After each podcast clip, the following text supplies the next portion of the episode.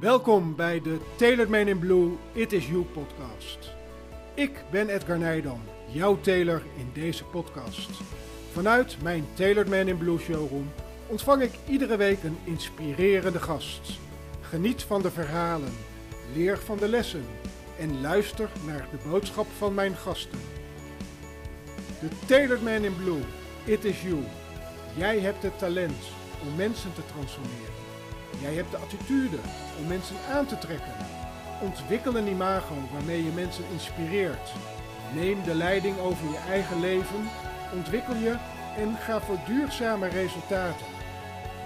Laat je inspireren en word een Tailored Man in Blue.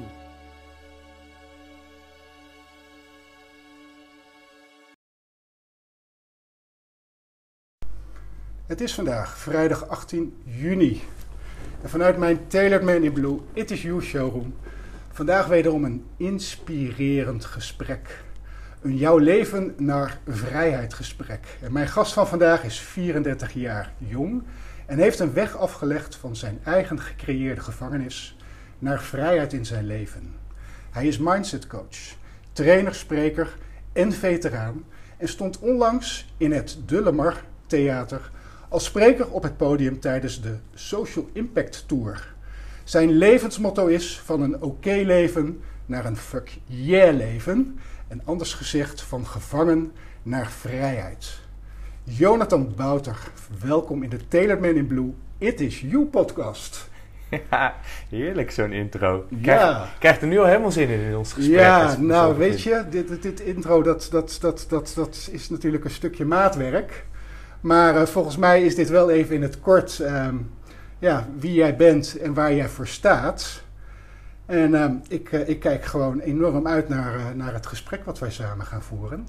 Een gesprek eigenlijk naar vrijheid. Want uiteindelijk is dat wat we allemaal willen. Vrijheid. Vrijheid in, in, in, in hart, vrijheid in geest.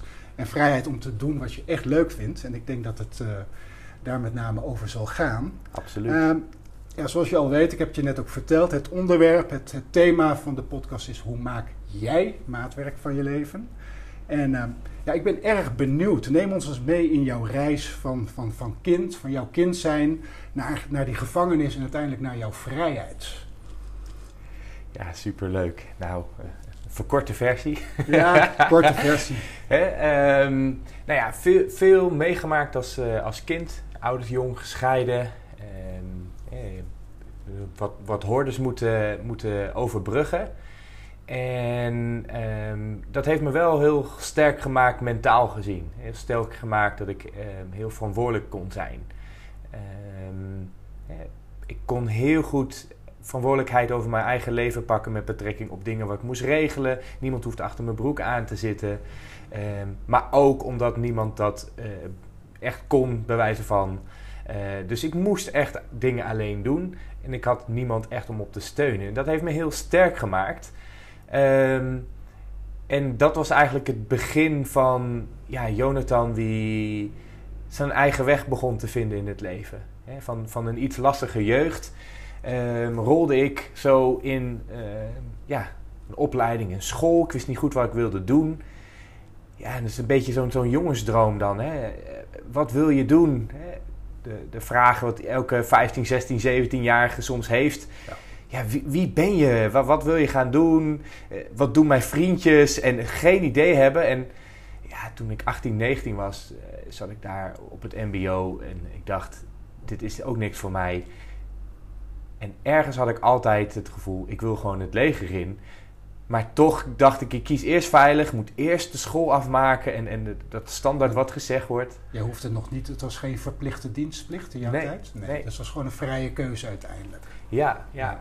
En, en ja, ik dacht in eerste instantie, ik moet eerst school afmaken. Ja. Nou, ik was zo, ik was niet helemaal happy.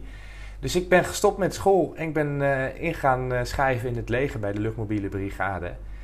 En eh, daar was aan de ene zijde die zelfstandigheid heel handig. En ehm, daarin heb ik, ja, het was voor mij een prachtig, prachtig iets om te leren. Hoe ga je met stress om? Hoe ga je met angst om? Ehm, discipline leren, teamwork leren. Ik, ik ben ontzettend dankbaar, juist met waar ik vandaan kwam. Ik heb een moeilijke jeugd gehad. Voelde jij je jeugd in de steek gelaten? Mm, ik was zo zelfstandig dat ik eh, een manier had gevonden dat ik niets in de steek gelaten voelde.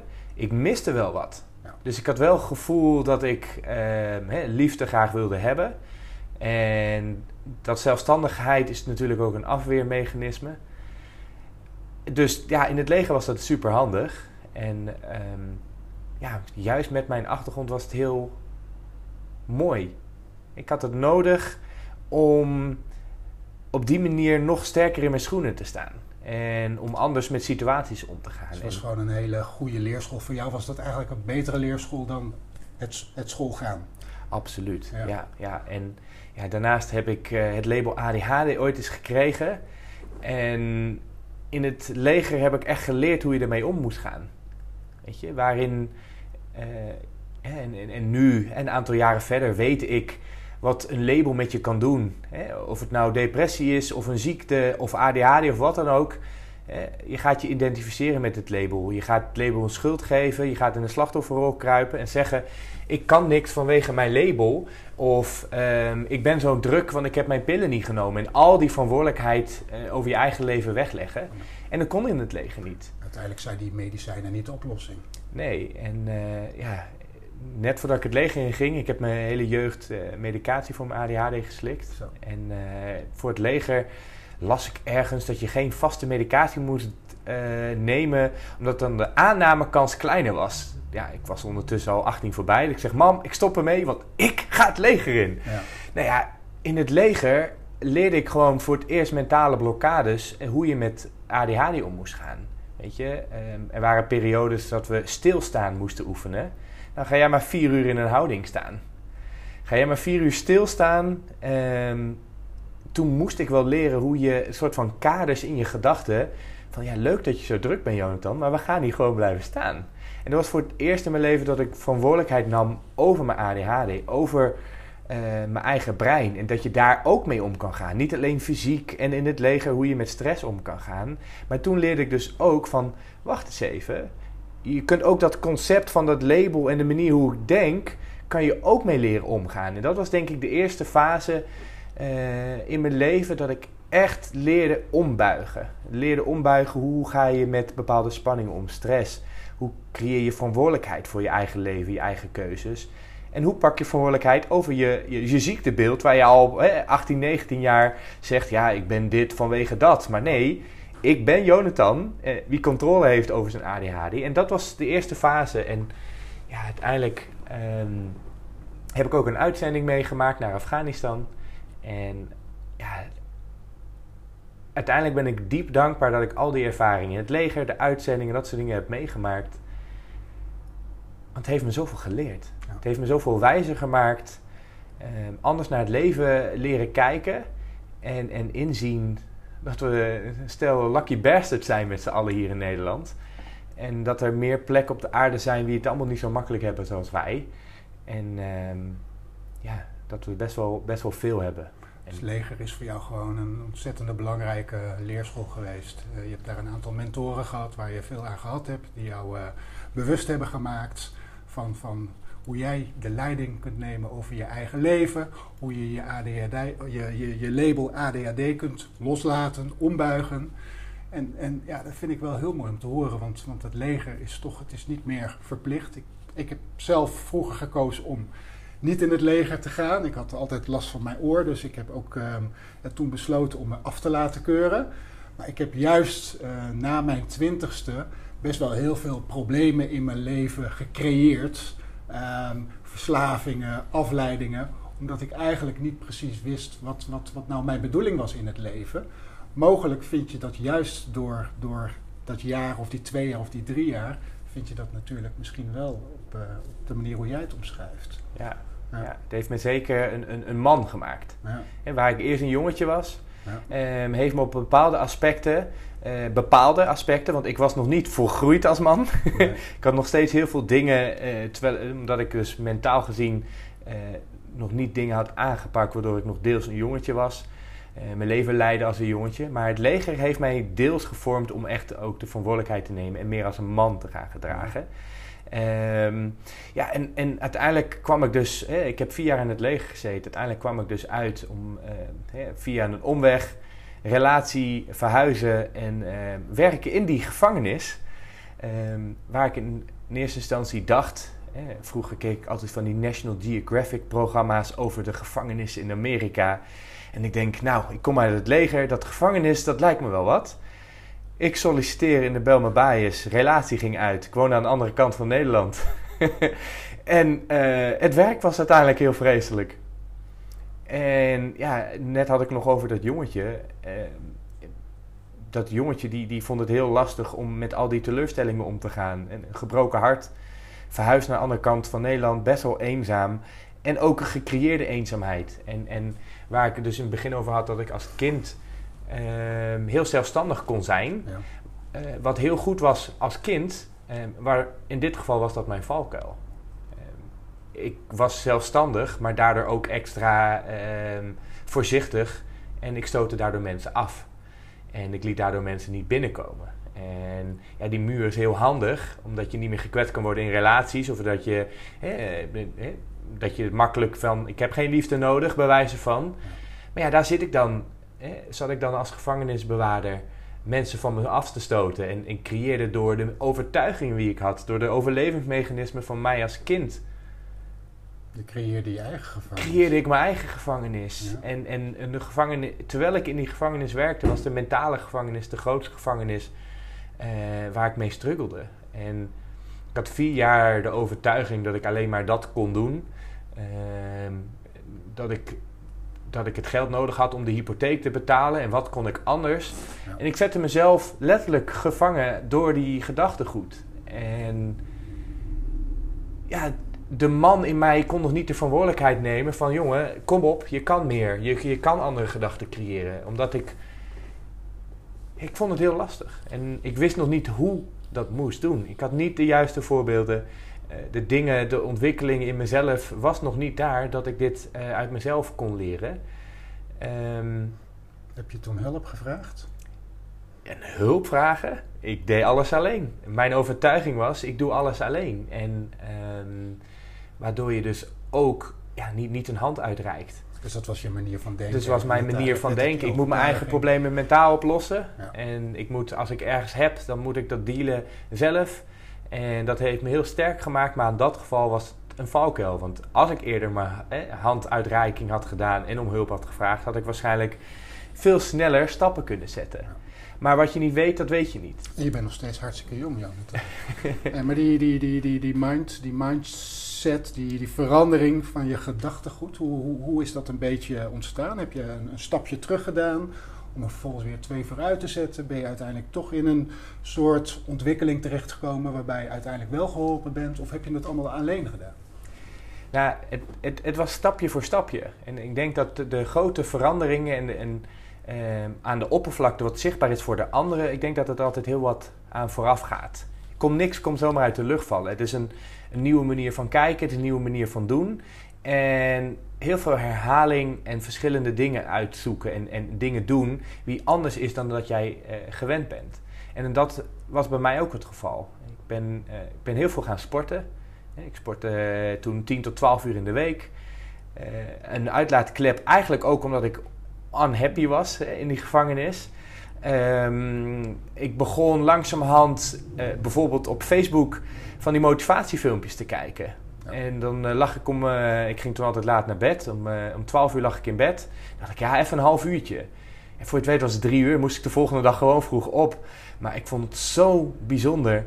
En daar begon het denk ik ook mee. Het was het sporten, mentaal mezelf pushen, die verantwoordelijkheid nemen over mijn eten, dieet. En, en ik lette heel streng op. Hè, droog trainen. En, en ze, het was echt hè, next level sporten voor mijn gevoel. Ja. Um, je, en, je voedde je in ieder geval wel met de juiste dingen. Ja, en die motivatiefilmpjes die hielpen me ook enorm mee. En ik vind het nog wel grappig. Ik krijg nu af en toe berichten van mensen wie ik coach of andere mensen van heb je dit filmpje al gezien? En dan sturen ze me door. Ik zeg ik schat, ik heb alle filmpjes al gezien. Toen ik zo unhappy was, heb ik jarenlang, want dit zijn filmpjes die al jarenlang circuleren. En ja, de, de volgende stap was het alleen reizen. Ik vond het doodeng En ik dacht, ik wilde zo graag reizen. Ik had ook dus, ik had die eenzaamheid gecreëerd. Ik stootte mensen af.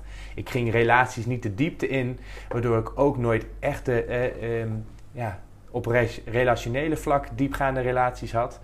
Ehm, dus ja, ik had wel een behoefte om te reizen. Ja, ik had niet echt vrienden met wie ik afsprak. Ik had echt een heel eenzaam bestaan. Dus dacht ik, ik ga alleen reizen. Doodeng. De collega's lachten me uit. Ga je alleen reizen? En ik weet nog heel goed, de eerste keer dat ik daar in het buitenland zat, ik koos nog heel veilig voor Turkije. en dan zat ik daar alleen aan de tafel, de eerste keer te eten daar.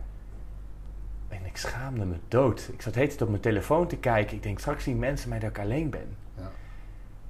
Maar dat was de eerste fase. Toen liet ik dat wat meer los. Ging ik uit mijn hoofd zitten en ben ik gewoon gaan genieten van de rust. Toen merkte ik hoe fijn is het. Ik kan heel goed alleen zijn. Je thuis ben je altijd alleen. Waarom vind je het zo raar om hier op vakantie alleen te zijn? En langzamerhand leerde ik mezelf wat openstellen. Maakte ik contact met mensen. Mensen vonden het zelfs leuk dat ik alleen was. Ik kwam in gesprek met mensen. En het was mijn beste vakantie ooit. Ik had zo genoten. Ik had vriend, overal mensen ontmoet. En ehm, dat was zo mooi. Het jaar daarna ben ik gewoon naar de andere kant van de wereld gevlogen. Naar de uh, Dominicaanse Republiek. En ik denk, ja prachtig. Dat ga ik gewoon doen. Ja. En al die kleine stappen. Het is het sporten. Het was die motivatiefilmpjes. Het was uh, het alleen op reis gaan. Wat mij steeds sterker maakte. Wat me steeds meer vertrouwen gaf dat ik meer kon deels door die externe invloed dat ik zag van in die filmpjes al die mensen die een leven om hadden gegooid. Waardoor een klein zaadje werd geplant bij mezelf. En ehm, ik had geluk dat ik op een gegeven moment te horen kreeg, na vier jaar ongelukkig zijn in de gevangenis, dat de, de Belma Bijers ging sluiten. En, uh, ja, toen was ik nog een beetje bang.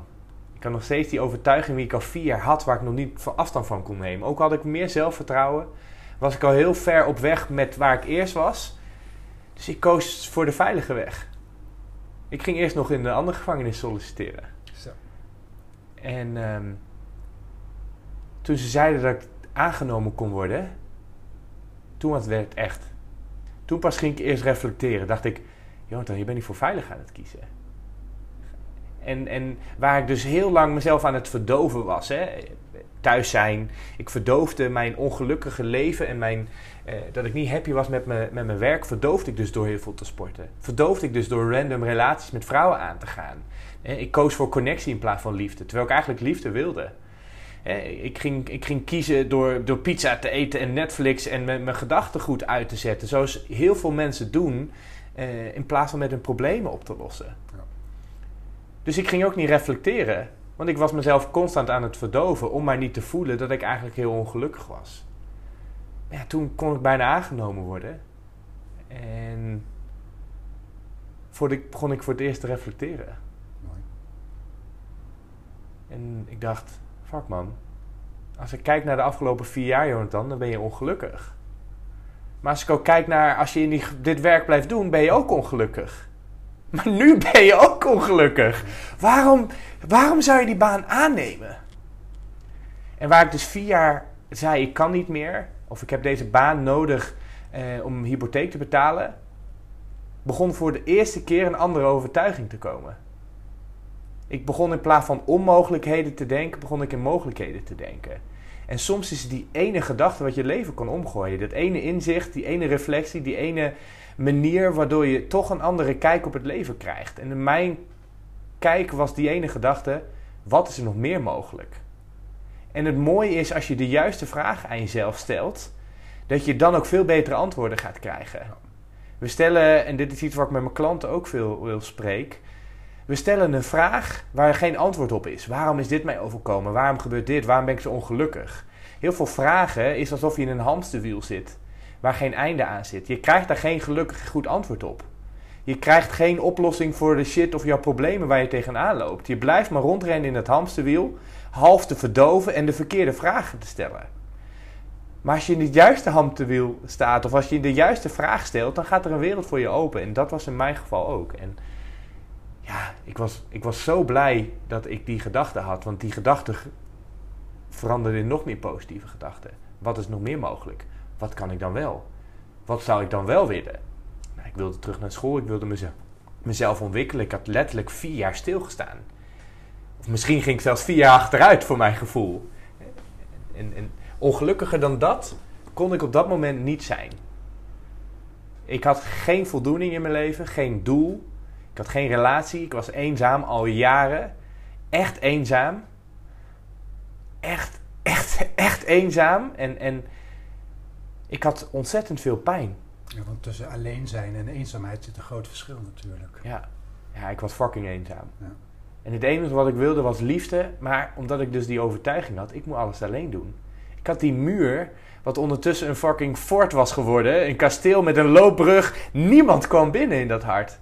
Deels door mijn jeugd, deels door mijn opvoeding. En deels door re- relaties wie, wie kapot zijn gegaan. Wie voor mij een te grote betekenis had, omdat ik niet die liefde had En gekend. deels door je angst, door de keuzes Ja. die je maakte om uiteindelijk je hypotheek te moeten betalen. Ja, en, en dat was ook het stukje wat ik langzamerhand ook ging aanpakken. Nog terwijl ik in de gevangenis werkte. Ook al was ik er niet bewust van. Dat ik langzamerhand aan het helen was, aan het vergeven was, aan het loskomen was. Ja, en, en toen ik uit die baan stapte, uit de gevangenis, had ik één beslissing genomen. Een beslissing.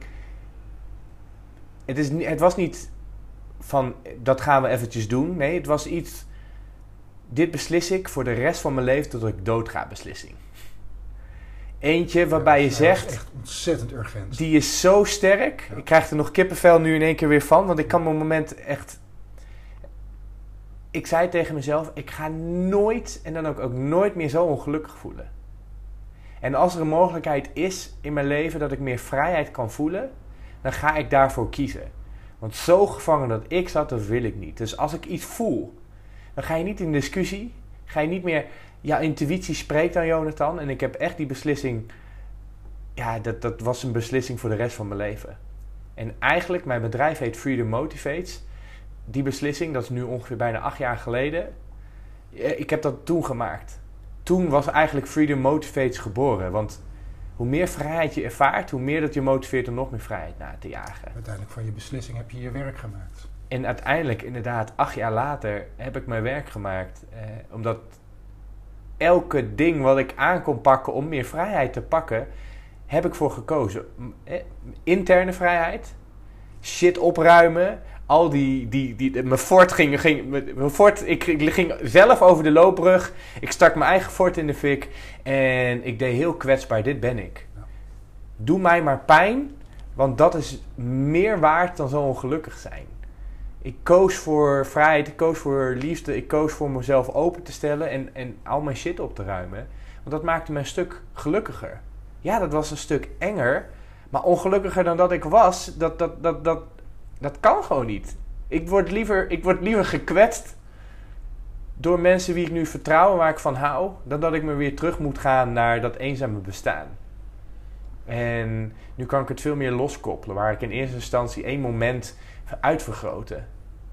En ja, ik ben heel blij dat ik die beslissing heb Mooi. gemaakt. Ja, Mooi, je hebt uiteindelijk je masker afgezet, Jonathan. ja, Ja, ik lees hier ook van kind naar gevangen, van gevangen naar gevangenis, van gevangenis naar vrijbreken en uiteindelijk van vrijbreken naar vrijheid. ja, Dat is een beetje waar jij je dagelijks mee bezighoudt. Maar uiteindelijk is het je eigen reis, eh, wat je anderen eigenlijk meegeeft. ja, En dat is toch wel heel krachtig. En dat zijn inderdaad kippenvelmomenten, dit soort verhalen. Waar veel mensen denk ik toch wel ook eh, kracht uit zullen gaan halen.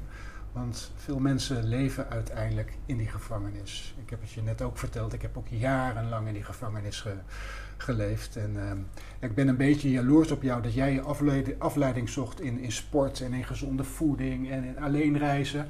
Ja, ik zocht mijn afleidingen eigenlijk in, in, in gokken. Gokverslaving heb ik ontwikkeld. En eh, nou, drank valt dan wel mee. En drugs heeft bij mij ook nooit een rol gespeeld. Maar ik ben echt jarenlang gokverslaafd geweest. Dat was mijn afleiding.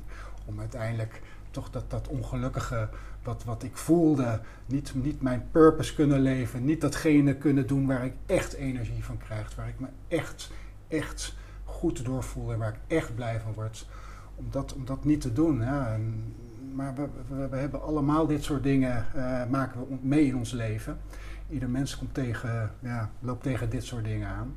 Dus mooi dat je dit op, uh, op zo'n hele mooie manier, zo'n kippenvel manier met ons deelt. Echt waardevol. Ja, ja, ja. Ik, ik volg je ook uh, uh, al een tijdje op Instagram. En ik, ik zie daar ook iemand die gewoon zichzelf durft te laten zien. Uh, zoals jij echt bent. Ik bedoel, jij bent niet bang om, om, om op Instagram uh, te gaan dansen en gekkigheid te doen. Jij bent gewoon wie je bent. En wat ik heel krachtig vind. Vorige week postte jij iets en ik vind het wel leuk om dat eventjes voor te lezen. Dat vond ik zo mooi. Jij postte een, een, een, eigenlijk een, het is een aantal woorden en herhaal deze woorden dagelijks met een mooie muziek erachter. En, en daarin schreef jij: Ik hoef mij niet altijd te conformeren met de buitenwereld. Ik mag mijzelf zijn, kiezen voor mijzelf en mijn dromen. Stappen zetten richting mijn dromen is niet egoïstisch, wat veel mensen vaak denken en vinden. Maar ik mag van mijzelf en mijn lichaam houden. Mijn grenzen aangegeven is de beste manier om anderen te leren hoeveel ik van mijzelf hou. Ik en mijn dromen zijn het waard. Ik ben genoeg. Dat vond ik zo mooi, Jonathan. Ik heb het inderdaad, um, ik denk al wel tien keer herhaald. Um, en nu ik het weer lees, denk ik van ja, dit, dit is waar het om gaat. Hè? Ja. ja. Mooi. Ik krijg kippenvel van, van. Het is zo raar als iemand anders jouw woorden gebruikt. Um, maar dit is waarvoor ik het doe. En dit, ook deze woorden zijn mijn strijd geweest. Ja. Kiezen voor mijn dromen vond ik eng. Van mezelf houden is eng. Mijn grenzen aangeven, en dat is iets waar ik heel veel hoor, is lastig. Maar waar ik achter ben gekomen is, en, en dat is dat, dat masker waar we het net ook eh, over hadden, iets waar ik heel graag veel over praat, is we, willen allemaal iets zijn voor die buitenwereld.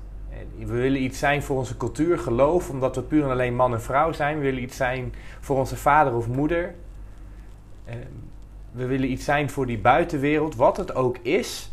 Het houdt ons gevangen. Het zorgt ervoor dat wij ons anders gaan dragen dan dat wij misschien echt zouden willen. Ja. Dat we andere keuzes maken dan we misschien echt zouden willen. En, en, en ik benoem dit heel vaak. We leven heel vaak van buiten naar binnen. Wat verwacht de buitenwereld, hoe ik eruit zie, wat ik ga dragen, wat ik ga doen. Ehm, wat, wat willen al die andere mensen, die mensen waarvan ik hou, de andere mensen die, die mij helemaal niet eens kennen, maar waar ik in mijn hoofd een construct van heb bedacht dat, dat ik me zo moet gedragen voor hen. 9 van de 10 keer is dat je onze gevangenis. Het is dat dat masker wat we opzetten waar we naar buiten gaan. En die gevangenis in dat masker maakt ons niet gelukkig. Maar dat speelt al ook bij, bij, bij kinderen op dit moment heel veel plaats. Hè? Door alles, al, al die influencers die eigenlijk het verkeerde voorbeeld geven. Met pijn in mijn hart zie ik nu weer de volgende generatie. Een, een, een, een, een generatie waarbij de individualiteit deels wordt beloond, maar ook deels uh, ja, lastig wordt gemaakt door al die invloeden van buiten.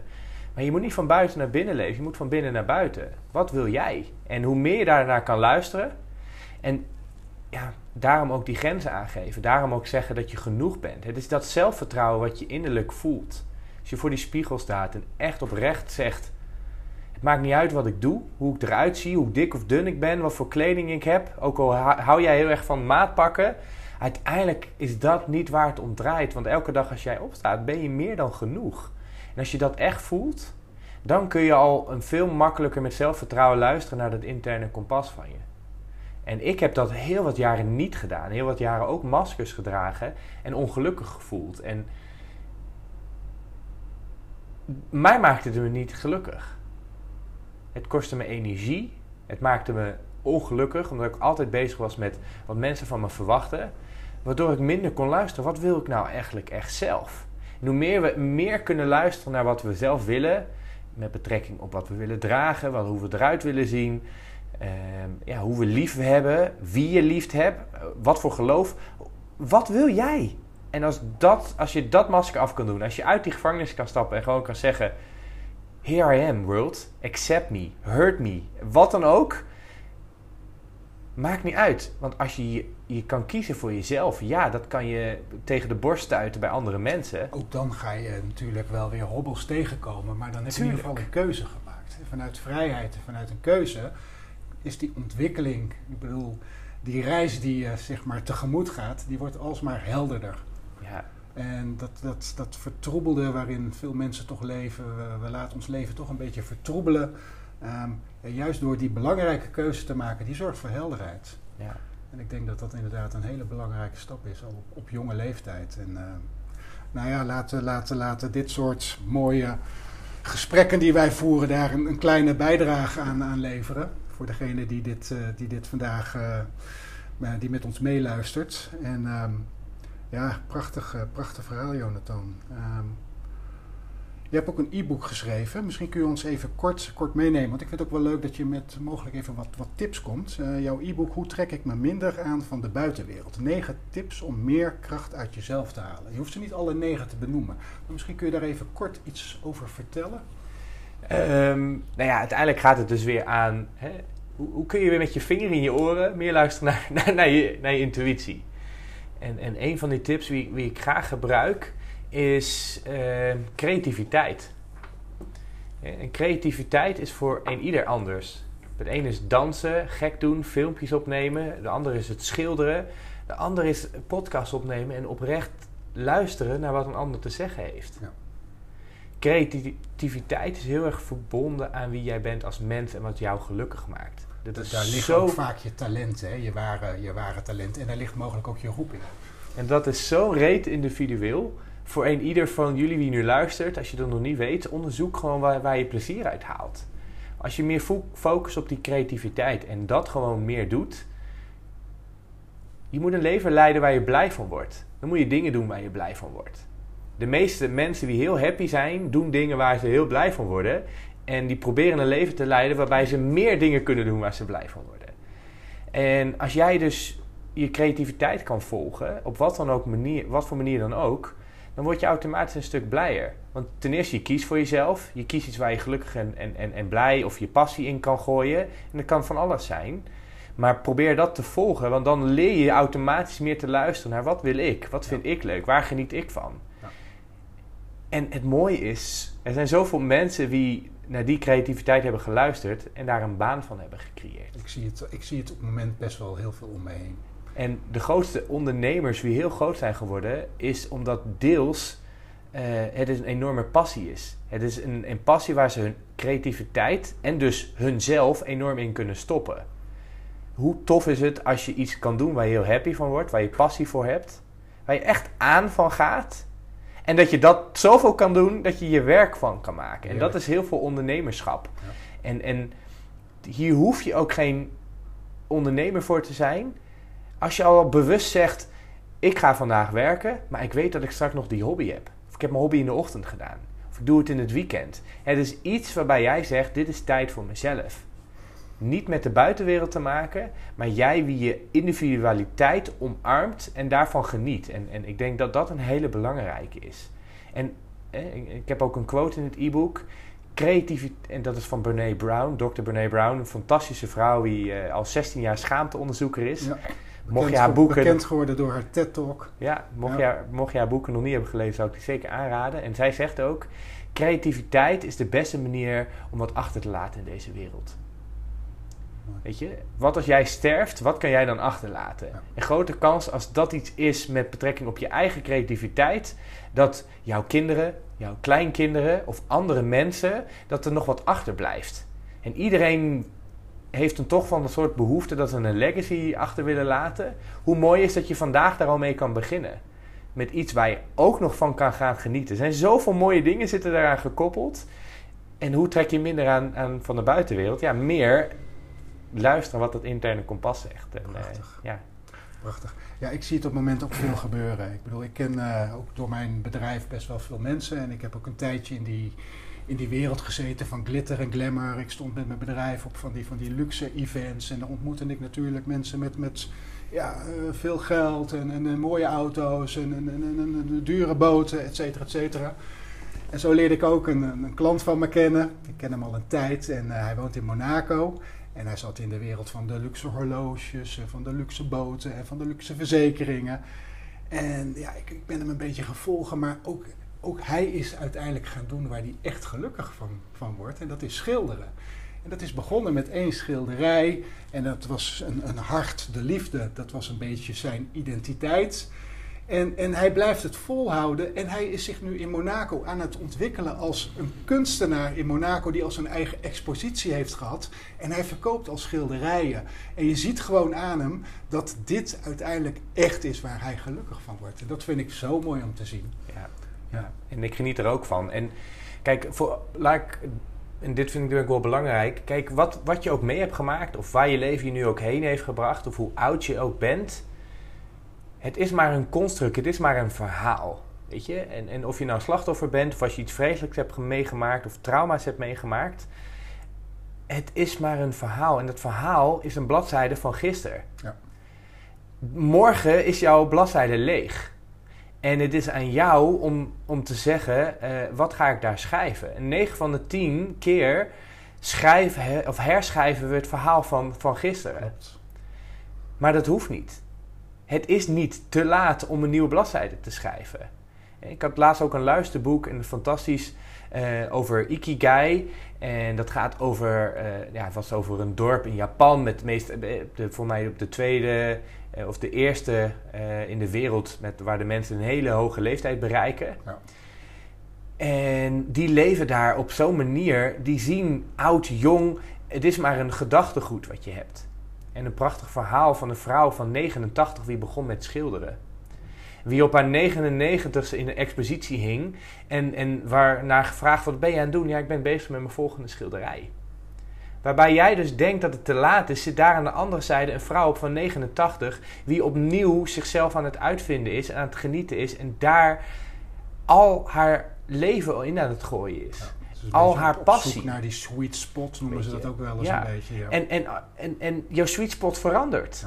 Dus als je nu nog niet hebt gevonden hebt, zeker weten dat je hem gaat vinden. Niet als je gaat stilstaan. Niet als je je bladzijde van gisteren opnieuw gaat schrijven vandaag of morgen.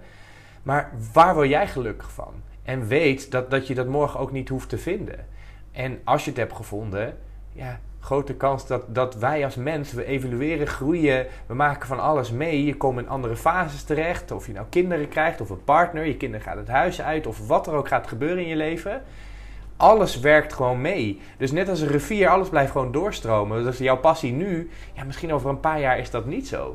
Dus weet dat je dan ook weer een andere passie kan kiezen. Zoals die vrouw dus op een 89, wie zegt, ik kies nu voor schilderen. Daar ga ik aan van. En probeer je niks aan te trekken van alle commentaren die je zult krijgen. Ja, want op deze leeftijd moet je dit doen. Op die leeftijd moet je dit doen. Zo moet je trouwen. Dan moet je dan. Weet je? En, en daar hield ik. En, en in die gevangenis zat ik gevangen. En ik was zo ongelukkig. Maar ik zat met mensen wie, wie net zo oud als mij waren. Wie ook precies hetzelfde zeiden. Ga je wat anders doen? Dat kan je toch niet? En als ik dan nu naar kijk, die zaten nog vaster als mij. Die dachten echt dat dit het leven is. Dat je te oud bent om naar school te gaan ik zou nu tot aan mijn dood studeren. Het interesseert me geen reet welke leeftijd ik heb. Want ik kies welke, welke pad ik ga leiden. En of dat nou op mijn 40ste, 50ste rare beslissingen maakt. Weet je, die buitenwereld wie ons veroordeelt. Wie zeggen dat jij op een bepaalde tijdlijn moet gaan leven. Die praten elkaar allemaal maar na. 9 van de 10 mensen weten mijn god niet eens wat ze zelf aan het doen zijn. Die leven op de automatische piloot. Die weten niet hoe ze een gelukkig leven moeten leiden. Die weten niet dat je over jouw gedachtegoed controle kan houden. Dat je verantwoordelijkheid kan nemen. Zitten met een vinger te wijzen dat jij iets niet moet doen, want dat past niet in het plaatje. Maar zelf zijn ze ongelukkig. Niemand weet wat ze aan het doen zijn. Dus kies alsjeblieft gewoon voor jezelf. Want daar word je echt wel gelukkiger van. Maakt niet uit welk concept de buitenwereld verzint om jou gevangen te houden. Als dat jou niet gelukkig maakt, stap daaruit. En, en welke leeftijd je ook hebt. Mooi. En jij doet dat onder andere met je Break Free en Total Freedom trainingen. En heel mooi dat je daar ook weer de, de, de een beetje de, de woorden gebruikt uit jouw, jouw, jouw gevangenis, uit, jouw, uit jouw verleden. Uh, ik zie dat de trainingen, stap 1, gevangen. Uh, stap 2, wie is je cipier? Vind de sleutel voorbij de cipier vrijbreken en vrijheid. Ik vind dat zo mooi, want het is toch een beetje jouw brandstory die, die je hebt ontwikkeld, die toch vanuit jouw eigen gevangenis ontstaan is. Dus mooi dat je dat ook op die manier benoemt. Ja. En uh, hoe zie jouw trainingen er hoe zien ze eruit? Even in het kort. Uh, wat, wat, kunnen we verwachten als, als, als we Jonathan Bouter uh, morgen opbellen en zeggen: Jonathan, ik uh, zou graag een keer met jou een, een Free Yourself Nature Walk willen doen. of, of een van jouw andere trainingen. Wat, wat kunnen ze verwachten? ze kunnen verwachten dat ze een, een, liefdevolle spiegel krijgen ten eerste, zoals ik dat mooi noem. Ja. Um, weet je, om te weten waar je heen wilt, moet je heel erg durven te kijken naar waar je nu zit. Dus dat is iets wat ik heel belangrijk vind. En dat bedoel ik met een liefdevolle spiegel. Ehm, wie ben je nu echt? Wat doe je nu echt? Welke verantwoordelijkheid neem je wel? Wat, welke verantwoordelijkheden neem je niet? Hoe gelukkig ben je echt? Hoeveel zelfvertrouwen heb je echt? Hoeveel zelfliefde heb je echt? Want als je een race begint, moet je weten waar de startlijn is. Dus door echt te kijken naar jezelf en te weten wat, wat nu hetgene is wat je doet, uh, is dat heel belangrijk. Dus die bewustwording, dat is iets wat ik, wat ik heel belangrijk vind bij mijn klanten. Ben jij bewust van waar je nu staat? Ja, en je moet de finishlijn weten. Waar wil je naartoe? Waar, hoe, welke fase wil je, wil je doorlopen? Hoe wil je je voelen? Wat is jouw vorm van vrijheid? En voor iedereen is die vrijheid anders. Ik, mijn vrijheid is heel anders dan die van jou en, en ook de mensen die ik begeleid. En dan ga ik echt kijken, eh, ja, hoe kunnen we dat samen, dat, die weg bewandelen? En ja, hoe kan ik jou dingen meegeven waar je vooral de rest van je leven aan hebt? Want het liefst ben ik zo snel mogelijk van mijn klanten af, want dat is een goed teken. Ja. Want dat betekent dat ik ze goed de begeleiding en de bewustwording heb meegekregen, waardoor ze heel sterk op in hun schoenen staan. Dat is niet omdat ik niet voor mijn klanten eh, om me geef, eh, maar dat is vooral omdat ik gewoon heel erg gun dat ze heel sterk kunnen kiezen wat zij belangrijk vinden. En daar manieren en, en zoals ik de handvaten leren, hoe je met je gedachten goed om kan gaan, hoe je voor je dromen kunt kiezen. En ja, zelfvertrouwen en zelfliefde is bij mij ook een hele belangrijke. Want alles valt en staat met de woorden ik ben genoeg en van jezelf leren houden. Mensen die voor een droom gaan, houden ontzettend veel van zichzelf of die hebben heel veel zelfvertrouwen. Beide zijn, zijn nodig om stappen te kunnen zetten. Want uiteindelijk ja, jij maakt jij, jezelf gelukkig. Dus jij moet uiteindelijk die stappen zetten. Jij moet, uh, en moet, hè, je gunt dat jezelf om positiever te denken. Om niet zo negatief over jezelf te denken. Om Zelfliefde. De, de positieve gedachten te creëren. Ja.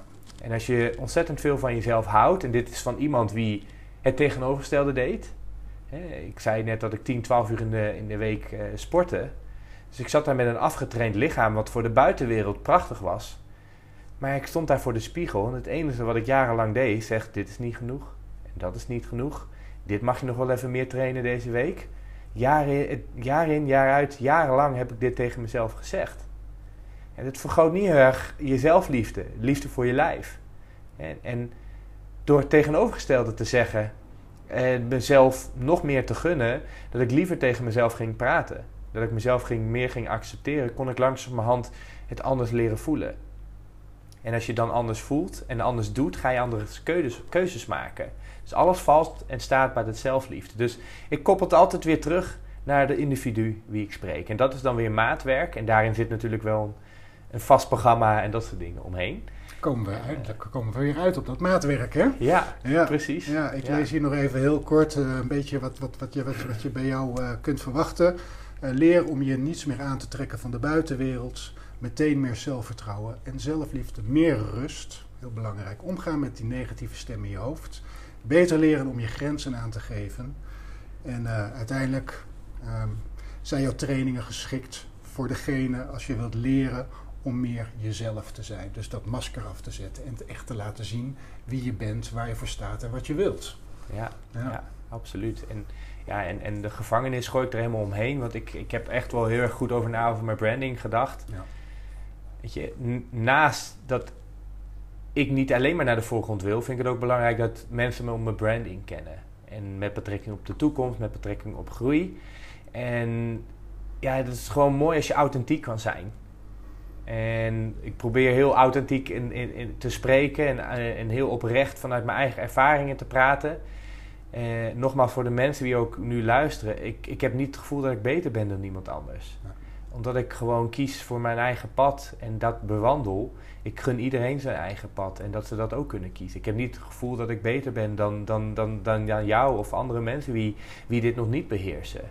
Weet je, er is een verschil alleen met bewustwording en, en, en dat mensen op de automatische piloot staan. En dat is het onderscheid. Maar dat betekent niet dat als mensen op de automatische piloot staan, dat, dat ik dan beter dan hun ben. Ze hun zijn daar nog niet. Ze staan op de automatische piloot of ze leven met de rem erop. Ja. En op het moment dat je de rem eraf haalt, komt er natuurlijk heel veel energie vrij. Ja, en, en met mijn branding is het ook van hoe kan ik gewoon mezelf zijn uh, en het koppelen aan, aan wie ik ben. En daar heb ik dus inderdaad een heel branding omheen uh, bedacht. Met, met van mijn logo tot, tot wat ik doe. En, en, en in de toekomst zie ik ook nog wel van oranje gevangenis pakken bij retreats of wat dan ook. Om het helemaal door te voeren. Want dit is wie ik ben. Ja. Iedereen heeft een eigen gevangenis, maar ik zelf herken dit als geen ander. Want dit was mijn leven. En dat maakt het dat alles wat ik zeg en hoe ik begeleid, eh, dat het echt vanuit een punt komt wie ik echt ben. En dat is ook weer mijn vuur en vlam. En dat, is, uh, ja. en dat maakt jou ook authentiek. Ik bedoel, op het moment dat je je kwetsbaarheid durft te delen. En ook je doorbraakmomenten durft te delen. Je verhaal durft te vertellen aan de wereld. En, ook je boodschap die je, die je hebt ontwikkeld. Ja, dan, dan, dan, dan denk ik dat, dat, dat je jezelf uh, een heel authentiek mooi mens mag noemen.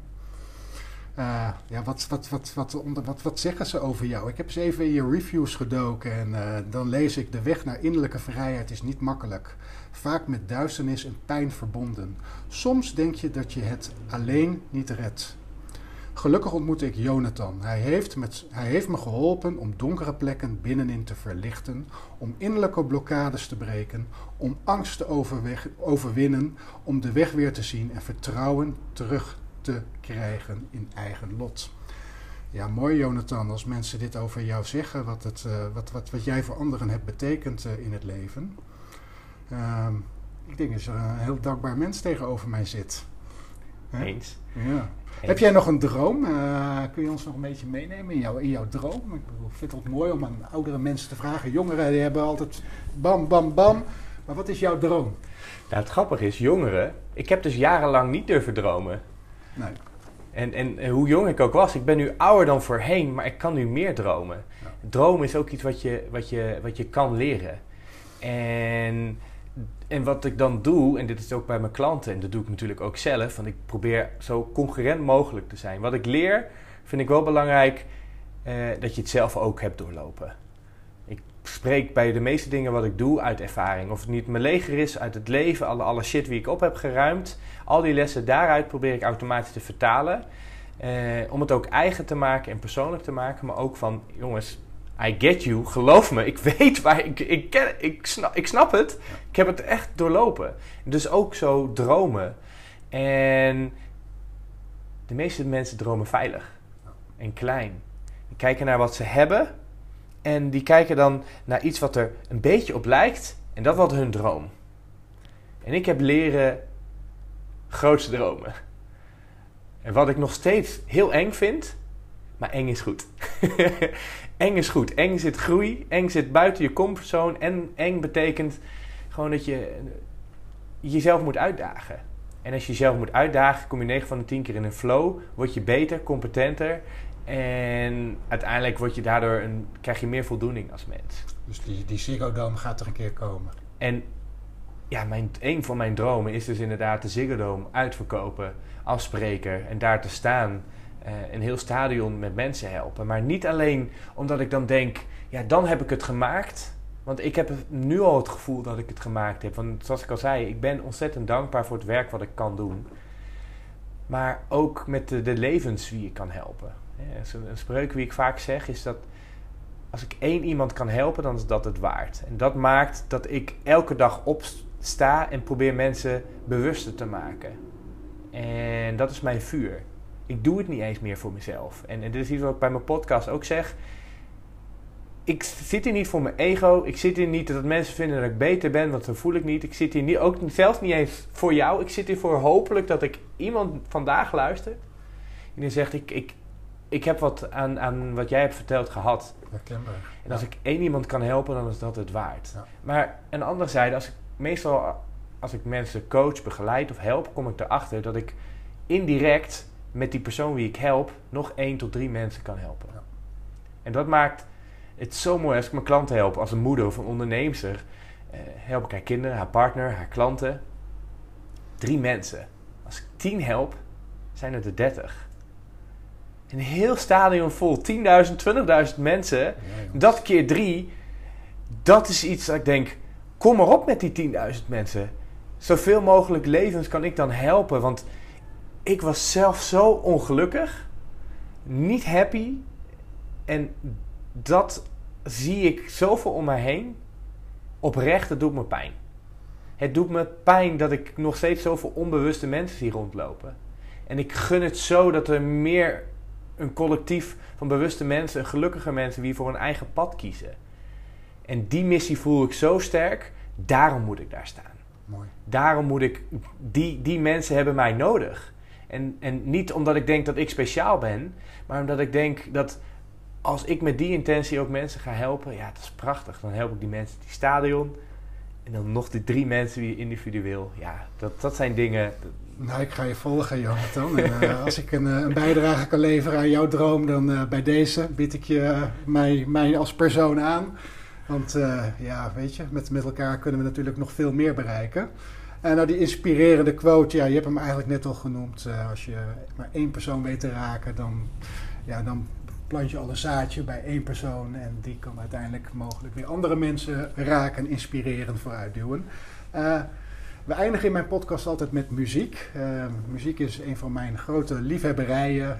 Zonder muziek zou mijn leven veel minder leuk zijn. Eh, ik luister graag naar muziek en eh, ja, ik heb je ook gevraagd om, eh, om een, een, muzieknummer mee te nemen. En je hebt erover nagedacht. En, en jij hebt ook een mooi muzieknummer voor ons waar we straks onze energie mee gaan voortzetten. Kun je ons eventjes heel kort, want we, we naderen het einde, het nummer wat je hebt uitgekozen. Wat betekent het voor je, Jonathan? Superleuk. Ja, ik heb, en hoe kan het ook anders, het nummer Freedom van Keigo uitgekozen. Naast dat het gewoon een lekkere beat is en, en vind ik gewoon een lekkere, meeste slepend nummer. ehm, ja, vind ik het ook gewoon een heerlijke betekenis. You give me freedom, maar als je het ook nog op jezelf koppelt, je geeft me, me vrijheid. En eh, ik gebruik het nummer ook bij het visualiseren van mijn dromen, om het nog krachtiger te maken. En eh, op die manier geeft zo'n nummer me nog meer betekenis. Terwijl ik dus naar dat nummer zit te beluisteren, zie ik mij op allerlei mooie plekken. Of het dan wel niet grote zalen zijn wie het uitverkocht zijn, mijn droomhuis of droomreizen. En dat op de achtergrond van freedom, freedom, freedom. Dat zet bij mij een positieve eh, ja, een vibe neer waar ik dan mijn leven in wil, wil Dus, zetten. dus dit nummer is een ondersteuning om jouw dromen te visualiseren. Eh, samen met die mooie vibe en die mooie muziek gaan we straks eindigen. En ehm, ja, we gaan dit eh, gesprek ook beëindigen.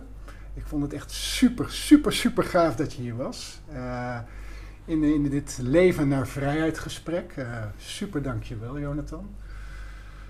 En ehm, ik weet niet of jij nog eh, iets, iets wilt toevoegen. ehm, want we gaan er een eind aan brouwen, lieve mensen. Ehm, nog een laatste opmerking? Nou ja, in ieder geval super bedankt voor dit hele warme interview. Ik zie ook echt dat je, dat je hier eh, zelf ook een passie voor hebt. Je kunt die creativiteit waar we het over hadden, Ja. is heel zichtbaar terwijl ik hier tegenover jou zit. Ehm, ja, ik vind het gewoon mooi hoe eigen je bent. En blijf daar vooral eh, mee doorgaan. En ehm, ja, voor iedereen wie luistert, bedankt voor het geduld. En ehm, ja, die vrijheid is. eh, probeer, probeer die voor jezelf uit te zoeken. Dat Mooi. is het echt. Ja. Mooi. Nou, ik, ehm, zoals jullie gewend zijn, volgende week sowieso weer een eh, inspirerende podcast. Dan ook met een heel bijzonder verhaal van een bijzondere vrouw. Ik kijk daar ook weer erg naar uit. Ehm, ja, ik sluit altijd af met de volgende woorden. Dus nu ook weer. Verbind, leer, inspireer, groei met stijl in je pak en word de teler over je eigen leven. Dankjewel voor het luisteren naar deze Tailored Man in Blue It Is You podcast. En graag tot de volgende week. Ciao.